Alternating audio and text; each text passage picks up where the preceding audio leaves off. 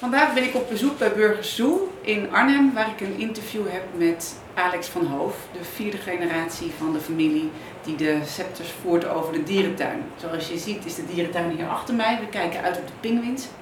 En de dierentuin eh, heeft een heel expliciete missie of purpose waarom zij eh, bestaan en wat ze willen bereiken. En die is ook in de hele bedrijfsvoering ingebed. Nou, daar gaan we vandaag Alex van Hoof over interviewen om te horen hoe hij dat doet, hoe ze dat hier in de organisatie doen. Dag Alex.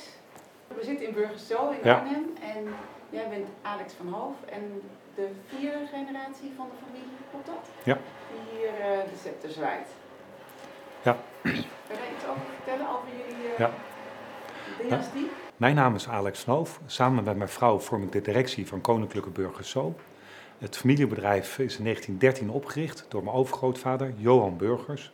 Wat hij heel graag wilde was de bezoeker in Nederland die exotische dieren van ver weg laten zien, maar wel op een goede manier voor de dieren. Dus veel ruimte, niet heel veel soorten en proberen zo goed mogelijk het sociale gedrag van de dieren te laten zien. Dat was natuurlijk in 1913 heel anders dan 1940, 1960 of, of nu. Want de kennis over het houden van die dieren was heel anders. Uh, maar van begin af aan hebben we altijd veel ruimte gehad voor de dieren en heel goed gekeken naar hoe zij leefden bij ons in het park. Laatst horen spreken op een congres en toen werd ik geraakt door hoe helder jij was over de missie of de purpose van, van, van jullie dierentuin. Hoe noemen jullie het trouwens? Missie of purpose? Of? Maakt niet uit. Wij, wij zeggen echt missie, visie, normen, waarden. Oké, okay, ja. en, en, kan je daar eens wat over vertellen? Wat is dat voor jullie? Ja, voor mijzelf, maar ook voor de organisatie zijn er eigenlijk twee hele belangrijke doelen. Dat is continuïteit. Uh, we willen nog een keer 106, 107 jaar bestaan als organisatie. Maar dat is ook een wezenlijke bijdrage leveren aan natuurbescherming. Als dierenparken krijgen we heel veel bezoekers in ons park. Uh, meer dan 1,1 miljoen bezoekers per jaar bij ons. Uh, hebben we ook heel veel dieren. en wij willen eigenlijk weg van dat traditionele shocken langs de hokken. We willen er naartoe dat die bezoeker bij ons ecosystemen gaat beleven. Dus in een hal van anderhalf hectare, dat hij door een stukje tropen loopt in Nederland. En dat we daar laten zien dat een dier niet een zelfstandige entiteit is, die zomaar ergens is en dat er iets gebeurt. Hetzelfde als wij, als mensen, wij leven ook in een ecosysteem, zo leven die dieren dat ook. En wij willen dat laten zien, dat die bezoeker begrijpt dat een dier is niet een zelfstandige entiteit, maar dat je dat hele systeem, dat dat van belang is, dat je dat moet beschermen, dat je daar aandacht aan moet besteden. Nou, wij krijgen 1,1 miljoen bezoekers, die komen primair voor een leuk dagje uit. Maar gedurende die leuke dag uit proberen we ze eigenlijk te raken. We proberen te laten zien hoe mooi die natuur is. Die verwondering, bewondering die we zelf hebben voor die natuur, die proberen we over te brengen. En dat doen we door ze door die tropen te laten lopen, door ze een, een duik te laten maken op het tropisch koraalrif zonder dat ze nat worden. Maar we doen het ook met 200 vrijwilligers die in het park staan, die rondleidingen geven, maar die ook naar scholen gaan om uitleg te geven over de natuur, over die kwetsbaarheid van die natuur. En waarom is dat belangrijk voor je? Het is van belang om die bezoeker te laten zien hoe mooi de natuur is, omdat de natuur zwaar onder druk staat. Steeds meer bossen worden gekapt, steeds meer uh, vervuiling in de oceanen. Uh, er staat enorme druk op die natuur. Uh, en wij denken dat wij als dierentuin een rol hebben daarin. Dat wij, wij, wij zijn heel erg betrokken bij die natuurbescherming. Wij weten daar heel veel van. En dat willen we overbrengen aan die bezoeker. En laten zien dat, dat ja, die natuur, die wildernis, die heeft eigenlijk ons helemaal niet nodig. Dat zie je op plekken overal ter wereld waar de mens vertrekt. De natuur, de wildernis komt weer terug. Maar wij hebben die natuur heel erg nodig. En wij moeten dus ook zorgen, goed zorgen voor die natuur. Nou, en daar hebben wij een bijdrage te leveren. En die bijdrage kunnen we leveren door dus hier die bezoeker van alles te vertellen. Maar wij willen ook heel graag een bijdrage leveren in die, ja, in die verre landen. Want in Nederland gebeurt gelukkig al heel veel voor de natuur, is gewoon een hele goede bescherming. Maar wij willen juist een bijdrage leveren in Zuid-Amerika, in Afrika, in Azië. Nou, en dat doen we op heel veel manieren. Dat doen we door samen te werken met heel veel stichtingen, iets van 100 stichtingen waar we samenwerkingsverband mee hebben. Maar we doen het ook door drie eigen stichtingen, drie stichtingen die nauw aan ons gelieerd zijn. En de eerste stichting, dat is de Lucie Burgers Stichting, vernoemd naar mijn oma. En die financiert gedragsonderzoek. Want als je niet weet hoe dieren leven, kun je ze ook niet beschermen. De tweede stichting, dat is een stichting waarmee we samen met het dierenpark in Zwitserland in Belize, een land in Midden-Amerika, een heel groot terrein beschermen. En de derde stichting, dat is Future for Nature.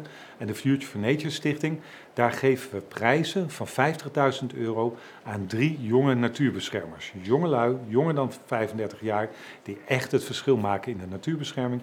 En die jonge lui, die willen we aanmoedigen, ga door. Wat jij doet is goed, we zien dat, maar ga alsjeblieft door met het fantastische werk wat jullie doen. Dat is best veel. Die, uh, die missie of die purpose, hoe, hebben jullie die, hoe zijn jullie daartoe gekomen? Hoe hebben jullie die gemaakt of ontvangen? Of, nou ja, ik weet niet hoe je het zou willen noemen, maar... Ja. Nou, het hele mooie van ons park is dat het dus heel lang geleden door mijn overgrootvader is opgericht, meer dan 100 jaar geleden. En hij eigenlijk van het begin af aan die dieren centraal heeft willen stellen. Willen kijken naar dat gedrag, zo goed mogelijk ze eh, heeft willen huisvesten. Dus niet een levende polsherverzameling, zoveel mogelijk dieren en dan is het goed, maar die dieren de ruimte geven. En wij werken eigenlijk nog steeds in de traditie die hij is gestart. We werken nog steeds op dezelfde manier de derde generatie, mijn ouders, die zijn vanaf de jaren tachtig heel erg gaan vernieuwen, gaan veranderen. Die hebben een hele grote tropenhal gebouwd, een hele grote woestijnhal. Ze hebben een aquarium gebouwd. En eigenlijk in die tijd zijn ze ook heel erg betrokken geraakt bij natuurbescherming. De Stichting bestaat al 40 jaar. Het project in Belize bestaat al 31 jaar. En toen dat project in Belize begon in 1989, was een goede vriend van mijn vader die zei: Joh, Anton, praten wel zoveel over de natuur, we praten wel zoveel over de tropen, maar zullen we eens aan de slag gaan? En toen zijn ze begonnen met een trein van 7000 hectare in Belize, een land in Midden-Amerika, wat grenst aan Mexico en Guatemala. En toen zijn ze met die 7000 hectare begonnen om dat te beschermen. Dat terrein dat is uitgegroeid naar 40.000 hectare. Daar werken nu 35 mensen, dag in dag uit, om dat te beschermen. En het is eigenlijk een heel groot succes. En al die activiteiten, al die natuurbeschermingsactiviteiten, dat doen we dus al een hele tijd. Maar eigenlijk vertelden we er nooit over. We hadden zoiets, dat hoort erbij. Dat doe je als familie, dat doe je als organisatie. Dus draag je een steentje bij aan die bescherming. Maar we vertelden het niet. Ook niet aan de medewerkers, maar ook niet aan de bezoekers. Want dat is, dat is normaal. En op een gegeven moment kwam er een nieuwe medewerker bij ons in het park werken. En die hoorde al die verhalen, die zag wat we allemaal deden. En die dacht eigenlijk, goh, eigenlijk vreemd dat het niet gedeeld wordt met die medewerkers, met die bezoekers. Dat zou je eigenlijk veel meer moeten, ja, moeten vertellen. Omdat het als voorbeeld kan dienen voor mensen om bij aan te haken, om mee te doen. Maar ook om zelf actief te worden. Nou, daar zijn we mee begonnen, ongeveer zes jaar geleden. Op aandringen van die medewerkers zijn we eigenlijk steeds meer gaan vertellen over wat we nou doen. Wat we al decennia lang uh, doen op natuurbeschermingsgebied. En wat wij merken is dat dat een hele positieve uitstraling heeft. Dus heel positief naar de medewerkers. Natuurlijk waren onze medewerkers heel erg trots op ons park en alle ontwikkelingen die we, die we doormaakten en de nieuwbouwactiviteiten die we hadden. Maar toen ze ook nog eens merkten dat we ook nog eens in Belize, maar ook op andere plekken in de wereld ook heel erg betrokken waren bij natuurbescherming en de mensen die daar leefden, zag je gewoon dat ja, de trots nog meer werd. Uh, we hebben zelfs nu reizen naar het project in Belize, waar mensen voor uh, goedkoop bedrag naartoe kunnen gaan en met de mensen die daar de bescherming doen, dan echt dat, die natuur in kunnen trekken. Maar we merken ook naar de bezoekers toe dat het ook heel belangrijk is. Want wij, Nederlanders, uh, wereldburgers, we willen steeds meer weten Waar, waar staat het merk voor? Waar staat een product voor? Waarom doen ze hetgeen wat ze doen? Nou, wij zijn dat ook steeds meer gaan vertellen. En onder andere hebben we in 2017 hier een Margoothal geopend. Een hal waarin we eigenlijk een stukje Belize naar Nederland hebben gehaald. Waar we eigenlijk de natuur die we in Belize beschermen hier laten zien. En zowel bij de ingang als bij de uitgang vertellen we over dat project. En daar krijgen we hele positieve reacties op terug. En heel veel mensen eh, waarderen dat we daar nu over vertellen. Dus voor ons als familie en als directie is het echt een draai geweest. Het is echt een draai geweest van iets wat je doet, waar je eigenlijk niet over praat, wat er gewoon bij hoort, naar het delen met elkaar. En doordat we delen, komen we ook veel verder. Want mensen denken met ons mee, we komen op nieuwe ideeën, nieuwe activiteiten. We hebben nu een vriendenclub opgericht voor dat project wat we in Belize hebben. Nou, en zo komen er elke keer nieuwe ontwikkelingen waar de medewerkers, maar ook anderen een bijdrage kunnen leveren om te zorgen dat die natuurbescherming goed gaat. Maar daarmee natuurlijk ook dat we als dierenpark ons steeds verder ontwikkelen. Dus als ik je goed begrijp, dan de oorsprong van de visie, die, die is, komt eigenlijk bij jouw overgrootvader vandaan? En die, ja, die was misschien wel een beetje een verlicht mens in die tijd. Ik bedoel, ik kom uit Amsterdam, de artis is nog steeds uh, langs de hoek. om jouw woorden Dus hij liep heel erg voor, zeg maar, op zijn tijd, kan je wel zeggen, hè, denk ik. Klopt dat? Nou, het, het, hele mooie is dus dat eigenlijk alle generaties bij ons in ons park hebben gewerkt, zowel de dierverzorgers, maar ook vanuit de familie, altijd heel vooruitstrevend zijn geweest. Altijd op zoek zijn geweest naar vernieuwing, naar verandering. Altijd eh, aan het kijken zijn geweest van, ja, hoe houden we nou die dieren en kunnen we dat verbeteren? En dat is dus al begonnen bij de eerste generatie. En eigenlijk gedurende de generaties is, heeft zich dus steeds meer een cultuur ontwikkeld in ons park. Een missie, een visie, een normen en waarden. Maar we hadden het eigenlijk nooit opgeschreven. En toen we 100 jaar bestonden, in 2013, toen dachten we van, ja, eigenlijk moeten we het op gaan schrijven. Want we merkten ook gewoon dat als we in het park aan de medewerker vroegen van, goh, wat is nou onze missie, visie? Dan kregen we hele goede verhalen. Maar de ene medewerker vertelde dit en de andere medewerker vertelde dat. Als ik het vertelde, dan kwam weer een heel ander verhaal dan als een managementteamlid het vertelde. En we merkten gewoon dat iedereen zat wel op de juiste lijn, maar we hadden het gewoon niet concreet genoeg. En toen hebben we tijdens ons 100 jaar bestaan, 2013, hebben we dat eens een keertje goed op een rij gezet. Dus een keertje de missie, visie, normen, waarden. En interviews gedaan met medewerkers, met eh, belangrijke stakeholders van uh, onze organisatie. Gewoon echt een, een, een, jaar uitgetrokken, gewoon om te praten, te luisteren, te kijken. En uiteindelijk is dat allemaal op papier gekomen. En toen zijn we dat ook met elkaar gaan delen. En toen was het eigenlijk bij iedereen zoiets, ja, maar dit doen we toch al heel lang. En waarom, waarom moet dat nu op papier? Maar het was voor ons tegelijkertijd, en dat merken we nu ook, was het heel goed dat we het vast hebben gelegd. Want een van de dingen is bijvoorbeeld dat bij normwaarde staat, het welzijn van de dieren staat altijd voorop. Nou, bij heel veel discussies of heel veel keuzes die we maken, dan is het altijd, hé hey jongens, wat is ook weer nummer één bij normwaarde? Dus we doen het wel, of we doen het niet. En door het met elkaar dus vast te leggen, hebben we eigenlijk iets wat al heel sterk was en al eigenlijk bij de eerste generatie was begonnen en helemaal verankerd was in de cultuur van de organisatie, hadden we, eens, hadden we tastbaar, hadden we op schrift. En dan konden we tegen elkaar allemaal zeggen van jongens, hier staan we voor, hier gaan we voor en daar werken we naar. Maar kan je dan zeggen dat het vanaf de start tot, tot 2013 dan eigenlijk dat het zich bewust doorontwikkelde? Of was het soort van, het gebeurde gewoon zonder dat je daar heel erg expliciet en bewust mee bezig was?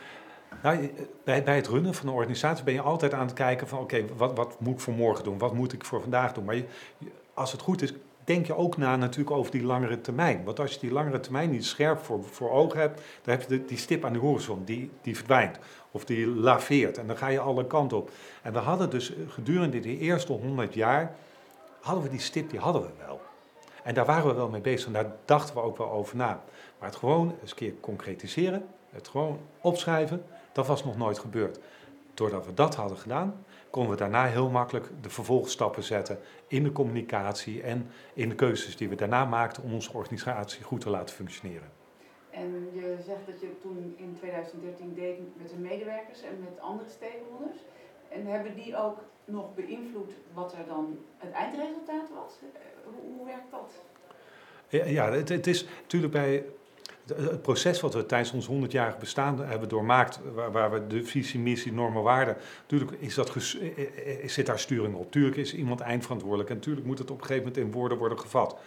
Maar als je niet die input van je organisatie meeneemt, als je niet van tevoren de mensen vraagt van waar staat volgens jou nou Koninklijke Burg zo voor? En waar staat volgens jou nou het voor? En wat zijn nou de speerpunten die we zouden moeten hebben?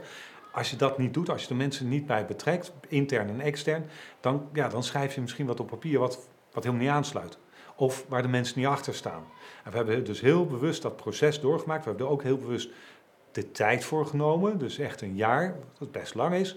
Maar dat jaar dat hebben we genomen om goed de informatie boven tafel te halen en uiteindelijk een goed stuk neer te leggen. En nu, vele jaren later, zijn we nog steeds heel blij dat we het hebben gedaan en kunnen we er nog steeds mee werken. En natuurlijk zullen we waarschijnlijk over een paar jaar weer eens een keertje kijken en het kritisch tegen het licht houden. En weer een keer met de medewerkers, met iedereen zeggen van joh, toen hebben we in 2013 hebben we dit opgeschreven, staan we er nog achter? Is dit nog wat we vinden? Mist er nog iets? Moeten we iets meer naar links? Moeten we iets meer naar rechts? Maar zeker tot nu zijn we nog steeds heel erg blij met hoe we het hebben uitgewerkt en hoe we daarmee uh, ja, in de praktijk aan de slag kunnen gaan. En kun je iets vertellen over dat proces in dat jaar? Dus je noemde al interviews, maar wat voor soort, in wat voor soort vorm heb je dat gedaan met al die input opgaan? Ja, eh, als je, als je zo'n proces ingaat, hè, van de bepalen van normen, eh, waarden, missie, visie, ja, dan, dan kun je honderden, misschien nog meer mensen kun je interviewen. Uh, maar je moet natuurlijk ook goed opletten van hoe pak je dat nou aan. Nou, wat we in ieder geval hebben gedaan is een aftrap bij, met de medewerkers hebben we gehad. Dus alle medewerkers bij elkaar. Toen hebben we verteld van jongens, dit proces gaan we in. Wil je meepraten? Laat het ons weten. maar we gaan ook mensen gewoon vragen in de organisatie om mee te doen. Maar wil je, je bent altijd welkom. En toen zijn ze in groepjes zijn ze gaan zitten. Zijn er verschillende sessies geweest. Buiten onze organisatie hebben we gewoon partijen waarvan we denken: van, goh, die hebben een goede visie. Of die hebben een mening over onze organisatie. Of die zouden ons verder kunnen helpen. Of die zijn heel kritisch. Of die kunnen, kunnen juist een beetje pijn doen uh, naar hetgeen wat we doen. Die hebben we gevraagd. Daar zijn wij rond de tafel gaan zitten. Nou, en zo zijn er verschillende, verschillende uh, interviews geweest. Maar we hebben ook gekeken naar, naar onderzoeken. Gewoon onderzoeken over hoe is de staat van de wereldeconomie? Hoe is de staat van Europa? Hoe is de staat van Nederland? Hoe, hoe, wat gebeurt er eigenlijk allemaal in de, in de vrije tijdseconomie? Wat zijn daar de ontwikkelingen die plaatsvinden? Wat gebeurt er in Arnhem, eh, de regio waar we zitten? Wat gebeurt er op het dierentuingebied? We hebben ook onderzoek gedaan. We hebben onderzoek gedaan in ons park, bij abonnementhouders, bij uh, de bezoeker, maar ook bij de zoofielen, dus echt de, de, dierentuingekken. Maar we hebben ook buiten ons park hebben we interview gedaan, uh, ook aan mensen gevraagd Gaat u naar dierenparken? Waarom wel? Waarom niet? Hoe kijkt u er tegenaan? En zo is dus een heel breed palet uh, uh, informatie is naar voren gekomen. En dan is natuurlijk ja, best een beetje moeilijk om te kijken van oké, wat hou je er nou uit? En hoe kom je bij die vijf normen waarden? En hoe kom je bij een sterke missie en visie? Nou, dat moet dan geredigeerd worden. Daar heeft ook een externe partij heeft ons daarbij geholpen om dat te redigeren. Want dat was voor ons de eerste keer dat we dat deden. Nou, dat is gewoon een heel mooi, uh, mooi proces geweest. Waar, waar we echt dat jaar voor nodig hebben gehad. Mooi. En toen, je zei net al, het is nu leidend voor jullie ook bij de keuzes die je maakt. Uh, kun je daar eens wat over vertellen? Op welke vlakken is het dan allemaal uh, bepalend? Ja. Nou, elke organisatie is natuurlijk altijd in ontwikkeling en dat zijn wij als, als dierenpark ook. Uh, dat is, zijn ontwikkelingen waarbij het gaat om steentjes stapelen, om het zo maar te zeggen. Dus het maken van een nieuw restaurant of een nieuw dierenverblijf of een nieuw, nieuw iets. maar het is natuurlijk ook op social media. Hoe communiceer je met, met, met, met, met de gasten, met de bezoekers? Hoe communiceer je met je fans? en al die, al die keuzes die je, die je daar maakt, dat is, daar, daar, daar nemen dus die normwaarde missie mee bijvoorbeeld even heel, heel, praktisch. Op het moment dat wij uh, op Instagram een, een mooie foto plaatsen van een dier, dan hebben we er altijd drie, vier, vijf regels uitleg over het dier. Dus het is niet van, jongens, er is een, een wallaby geboren, haha, leuk, leuk, leuk, ballonnetjes. Maar het is altijd, er is wallaby geboren, het is boven gekropen, in de buidel gekomen. Hij is nog heel erg klein, blijft eerst een tijdje in de buidel. En zo komt er altijd een uitleg over dat dier. En zo plaatsen we elke dag één of twee foto's op Instagram. Het zijn altijd foto's gemaakt door de bezoekers, niet door onszelf. De bezoekers leveren dat aan. Maar er zit altijd een educatieve component zit eraan. Want in onze normen waarden staat ook verwonderen is bijzonder. Nou, dat willen we dan ook overbrengen op die bezoeker die bij ons komt of ons volgt via social media maken we keuzes voor bijvoorbeeld activiteiten. Heel veel van de vakanties, dan hebben we wel eens uh, ja, festiviteiten. Nou, dan zitten we altijd te kijken van, gaat het in tegen het welzijn van de dieren? Want dat staat op één, het welzijn van de dieren staat voorop. Dus kunnen we op een bepaalde plek, mag daar muziek, mag daar geen muziek? En gaan we tot s'avonds laat door of gaan we niet tot s'avonds laat door? Wat is de impact op de dieren die hier zitten? En natuurlijk kun je zeggen van voordat we het op een rij hadden gezet, dachten we daar ook altijd over na. Maar nu is het gewoon, het staat meer top of mind. Concreter zijn we ermee bezig om gewoon even te kijken of jongens, er komt een nieuwe activiteit, er komen nieuwe, uh, nieuwe bouwactiviteiten, we, gaan communiceren naar de gasten toe. Hoe gaan we ermee om? En past het binnen hetgeen wat we met, met elkaar hebben afgesproken? Dus je kan eigenlijk zeggen dat je, je visie en je normen en waarden die geven aan de ene kant richting, van dit is wat we doen. Maar ze, dus, maar ze werken ook beperkend namelijk ook van, maar deze dingen doen we dus niet, want die passen niet bij onze visie. Klopt? Ja. Nou, het, het, mooie van die normwaarde, missie, visie is dat, dat het dus sturing geeft aan de keuze die je maakt en dat je ook heel erg helpt om nee te zeggen. Want ja zeggen is altijd heel erg makkelijk, nee zeggen is een stuk moeilijker. En doordat we nu hebben vastgelegd wie zijn we, waar staan we voor, is het dus ook veel, veel makkelijker om nee te zeggen, maar het nee ook uit te leggen. Want je kunt zomaar nee zeggen ook tegen medewerkers of tegen wie dan ook. Van zoiets doen we niet. Maar het is dan altijd ook heel erg belangrijk. Hoe leg je het uit? En waarom doe je het niet? En daar zit nu veel meer consistentie, veel meer lijn in. En dat is veel, uh, veel gedegener. En um, hoe hebben jullie dan tijd, bijvoorbeeld tijdens overleggen of als je een besluit moet nemen, het er gewoon bij? Of hoe zorg je dat iedereen het top of mind heeft op het moment dat er een keuze gemaakt moet worden? Ja, nou we hebben, onze organisatie is niet mega groot, we zijn geen multinational, maar we hebben best wat medewerkers uh, werken in ons park. En we merkten in het verleden dat er altijd werd, ja, toch wel werd geklaagd over de communicatie. Dat heel veel dingen gebeurden in ons park, maar dat eigenlijk de medewerkers niet goed werden meegenomen. Nou, daar zijn we een aantal stappen gaan zetten, onder andere met narrowcasting, dus dat we intern informatie eh, delen. Maar een van de dingen die we ook doen is elk kwartaal halen we alle medewerkers bij elkaar. Iedereen die kan en die wil, die komt bij elkaar. En dan gaan we met elkaar gaan we een kwartaal terugkijken. Gaan we kijken hoe is het afgelopen kwartaal geweest en gaan we een kwartaal vooruit kijken. En tijdens die bijeenkomsten zijn er ook altijd twee of drie medewerkers die een verhaal houden. Die vertellen over hun afdeling en wat ze nou precies doen op die afdeling. En tijdens die kwartaalbijeenkomsten grijpen we heel vaak terug op die normenwaarden, op de missievisie. We zetten het soms gewoon ook even op het scherm. Dus voordat het verhaal begint, dan komen er even de sheets voorbij met, ja, waar staan we voor? En dat zijn van die manieren uh, om het gewoon levend te houden. We hebben het ook bijvoorbeeld in het functioneringsgesprekken. Dus functioneringsgesprekken met alle medewerkers vragen we ook, ken je de normenwaarde missievisie? En wat vind je ervan? En sta je er nog steeds achter? En wat doe jij om dat levend te houden? Wat doe jij om te zorgen dat we daar ja, naar leven, naar werken? En op die manier hebben we dus uh, ja, geïncorporeerd, hebben we het ja, verwerkt in heel veel activiteiten in het park, zodat het niet iets is wat op is geschreven en nu Barola is verdwenen, maar iets is wat een levend document is. En dat lijkt gewoon heel erg goed te lukken. Dat krijgen we ook terug van de medewerkers. Is dat ook iets waar jullie het over hebben als je sollicitatiegesprekken voert bijvoorbeeld? Ja, nou, wat, wat natuurlijk heel erg van belang is als organisatie, is dat je, je hebt je dromen, je hebt waar je naartoe wil gaan. En dan is het natuurlijk hartstikke belangrijk dat de medewerkers die bij je komen werken, dat dat klikt, dat dat past. Dat de dromen, de normen, waarde, missie, hetgeen wat die medewerker wil bereiken, dat dat parallel met ons gaat. Dus dat is tijdens uh, sollicitatiegesprekken, wordt daar echt, echt naar gekeken en wordt er ook over gesproken, wordt het ook verteld. Dus we hebben het nou, opgeschreven, dus mensen krijgen het mee. Uh, maar we hebben het ook bijvoorbeeld in onze sollicitatie, uh, als we sollicitaties hebben, altijd bovenaan staan wie we zijn als dierenpark. Wat we doen, dat we met natuurbescherming bezig zijn en waar we voor staan. Dat staat altijd in de sollicitatieformulieren, in de advertenties, als we het op, op LinkedIn of, of waar dan ook plaatsen, staat dat er altijd bovenaan. En in de sollicitatiegesprekken komt het ook altijd naar voren. Dat mensen weten, waar staan we voor? En uiteindelijk als mensen bij ons komen werken, hebben ze alle medewerkers, is technische dienst, is de horeca, de dierverzorging, wie dan ook, hebben we altijd een introductiedag. En tijdens de introductiedag is altijd mijn vrouw of ik wij vertellen altijd over de geschiedenis van het park, waar komen we vandaan, maar ook altijd van waar willen we naartoe, waar, staan we voor. Uh, en gedurende die dag zijn ze, zijn ze dus ook bezig met die normen waarden, missie, visie. Uh, en degene die, die die dag organiseert is ook bezig met kwaliteit, arbo en milieu. Die is ook bezig met, met van, hoe gaan we met elkaar om, wat is de cultuur.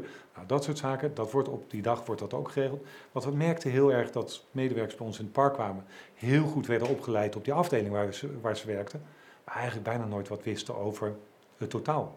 Of wat gebeurt er nou, wat gebeurt er nou op die andere afdeling? Nou, en door zo'n introductiedag te doen, werkt dat heel erg goed en wordt dat ook meteen in één keer meegenomen. Ik was ook benieuwd hoe dat bijvoorbeeld werkt voor, uh, voor nou ja, bijvoorbeeld je inkopen. En ik had het vloertje van jullie gezien, dat jullie ook bijvoorbeeld, uh, ja, ik weet niet met een geluid hebben, oh, ja, ja. op de schoot. Ja. Uh, dat, ik had las hier bijvoorbeeld dat jullie ook in je restaurants allemaal uh, fair trade en zoveel mogelijk biologisch hebben en ja. um, uh, energie daar ook circulair mee omgaan en water, nou, regenwater opvangen om de wc's mee door te spoelen. Nou, dan heb je vandaag wel weer genoeg ja. regenwater verzameld, denk ik, voor een tijdje. Maar kan je daar eens wat over vertellen, hoe dat, hoe dat uitpakt, bijvoorbeeld met die inkoop, dat het daar ook ja, daarin doorwerkt, die purpose? Ja. Nou, als je als organisatie zegt van we willen die verwondering, bewondering voor die natuur willen we overbrengen, willen daar een bijdrage aan leveren om dat te beschermen, eh, dan moet je natuurlijk ook kijken wat is je voetafdruk hier. Dan moet je ook opletten van uh, wat voor stroom gebruiken, hoe kunnen we besparen op elektriciteit en watergebruik. Dan moet je ook kijken wat voor producten gebruik je in de horeca. Hebben we allemaal plastics of niet? Nou, daar zijn we dus ook met de hele organisatie heel erg mee bezig. Zijn we altijd aan het kijken van hoe kunnen we het beter doen. En dat is een continu proces. Uh, dat, is, dat is niet iets wat nu klaar is. Uh, dat is. Daar zijn we echt de hele tijd mee bezig om, aanpassingen te doen. En zo is bijvoorbeeld bij nieuwbouw hebben een keertje, uh, en dat is wel een paar jaar geleden, maar toen wilden we in, in ons nieuwbouw wilden we allemaal hele mooie spanten van FSC-hout. Dus hout uit duurzaam beheerde bossen willen we gebruiken. Nou, op een gegeven moment wij bij diverse organisaties navragen. Nou, we kregen gewoon geen offertes. Dus op een gegeven moment wij nog een bellen van, goh, waarom krijgen we nou geen offerte? Toen zeiden ze, nou, het is heel simpel. Wij merken gewoon dat als ze offerte neerleggen voor FC-hout of voor gewoon hout, dat iedereen kiest voor gewoon hout, want FC is zoveel duurder, dat wij maken geen offertes meer voor FC-hout. Die tijd gaan we er niet meer aan spenderen. Toen werd gezegd, nee, het moet FSC-hout worden. Dus het is geen keus. Wij willen gewoon dat er FSC-hout in komt. Nou, toen kwamen uiteindelijk kwamen de offertes los en gingen organisaties echt bedenken, oké, we moeten iets neerleggen, anders hebben we de opdracht niet. En uiteindelijk hebben we gelukkig dus dat FSC-hout gekregen, maar doordat we vast hebben gehouden aan die eis, zijn op een gegeven moment vier organisaties zijn FSC gecertificeerd geraakt. Een bouwbedrijf, een, eh, een, een, lijmer, dus die delen hout op elkaar lijmt. Nou, zo zijn er vier organisaties zijn gecertificeerd geraakt waarbij één organisatie na vier jaar 65% van zijn omzet wat, was FSC gecertificeerde omzet. Nou, dat is natuurlijk fantastisch om te zien dat je toch door vast te houden, dan op een gegeven moment organisaties in beweging krijgt en je toch een product krijgt wat je graag wil hebben en wat een stuk duurzamer is dan wat we anders in eerste instantie zouden hebben gehad. Nou, en zo zijn we altijd aan het kijken, waarbij natuurlijk wel van belang is dat het moet kunnen. 1,1 miljoen bezoekers, dat houdt in best wat kroketjes en best wel wat eten wat er doorheen gaat. Nou, dan kunnen we zeggen, moet biologisch, moet dit of moet dat. Maar de leveranciers moeten het ook kunnen leveren. En soms moet je dus even een stapje terug doen. Dan moet je heel veel, heel veel wachten en moet je heel veel de toeleveranciers de mogelijkheid geven om productielijnen op orde te krijgen of het gecertificeerd te krijgen. En dan kun je weer stappen vooruit maken. Maar we zijn altijd aan het kijken, hoe kan het beter, hoe kunnen we verduurzamen. En heb je dan ook, nou ja, van het hout is een heel mooi voorbeeld, maar ook bijvoorbeeld van die leveranciers van, van, van voedsel, um, dan meegemaakt dat, dat bedrijven veranderen door jullie wensen? Een, een, aantal jaar geleden wilden we heel graag in ons uh, horeca wilden we heel graag kroketten, de biologische kroketten verkopen. Uh, nou, dan ga je op, op onderzoek. Uh, nou, we kregen allemaal organisaties die contact met ons opnamen van ja, wij konden het wel leveren. Nou, dan ga je op bezoek bij de organisaties om eens te kijken. Nou, bij de een was, uh, was de voedselveiligheid helemaal niet geregeld. Uh, bij de ander leek dat allemaal perfect, maar die konden de aantallen gewoon niet aan. Nou, en op een gegeven moment hebben we daar dus even moeten temperen, even rustig aan moeten doen. En uiteindelijk heeft een van die organisaties die heeft het op kunnen schalen en hebben we uiteindelijk het product kunnen krijgen wat we wilden. En wat ze nu ook verkopen aan andere organisaties, uh, maar wel op een goede manier. Dus voedselveiligheid is gegarandeerd en we hebben het product wat we, wat we hebben willen. Dus in die zin zijn jullie ook um, van grote invloed op eigenlijk een veel grotere cirkel dan alleen maar je eigen park. Nou, het, het, is mooi om te zien dat heel veel organisaties bezig zijn met die duurzaamheid. En dat je dus steeds meer producten op de markt ziet komen die voldoen aan uh, fairtrade, biologisch of geen plastics meer gebruiken.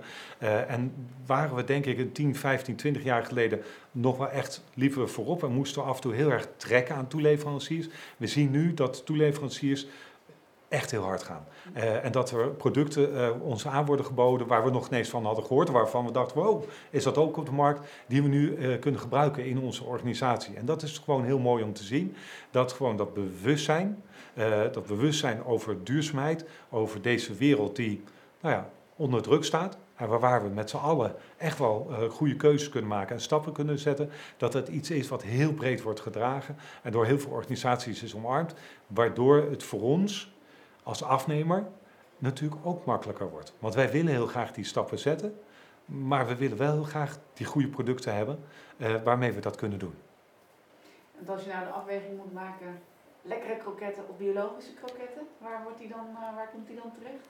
Nou, en dat is weer het gave tegenwoordig. Dat het, eh, bij heel veel van die duurzame producten gaat het helemaal niet om dat, dat ze niet meer lekker zijn. Of soort, het mooie van tegenwoordig is dat heel veel van die producten heel erg lekker zijn, die duurzame producten of die biologische producten heel erg lekker zijn, goed geproduceerd zijn eh, en je het fantastisch in je assortiment op kan nemen.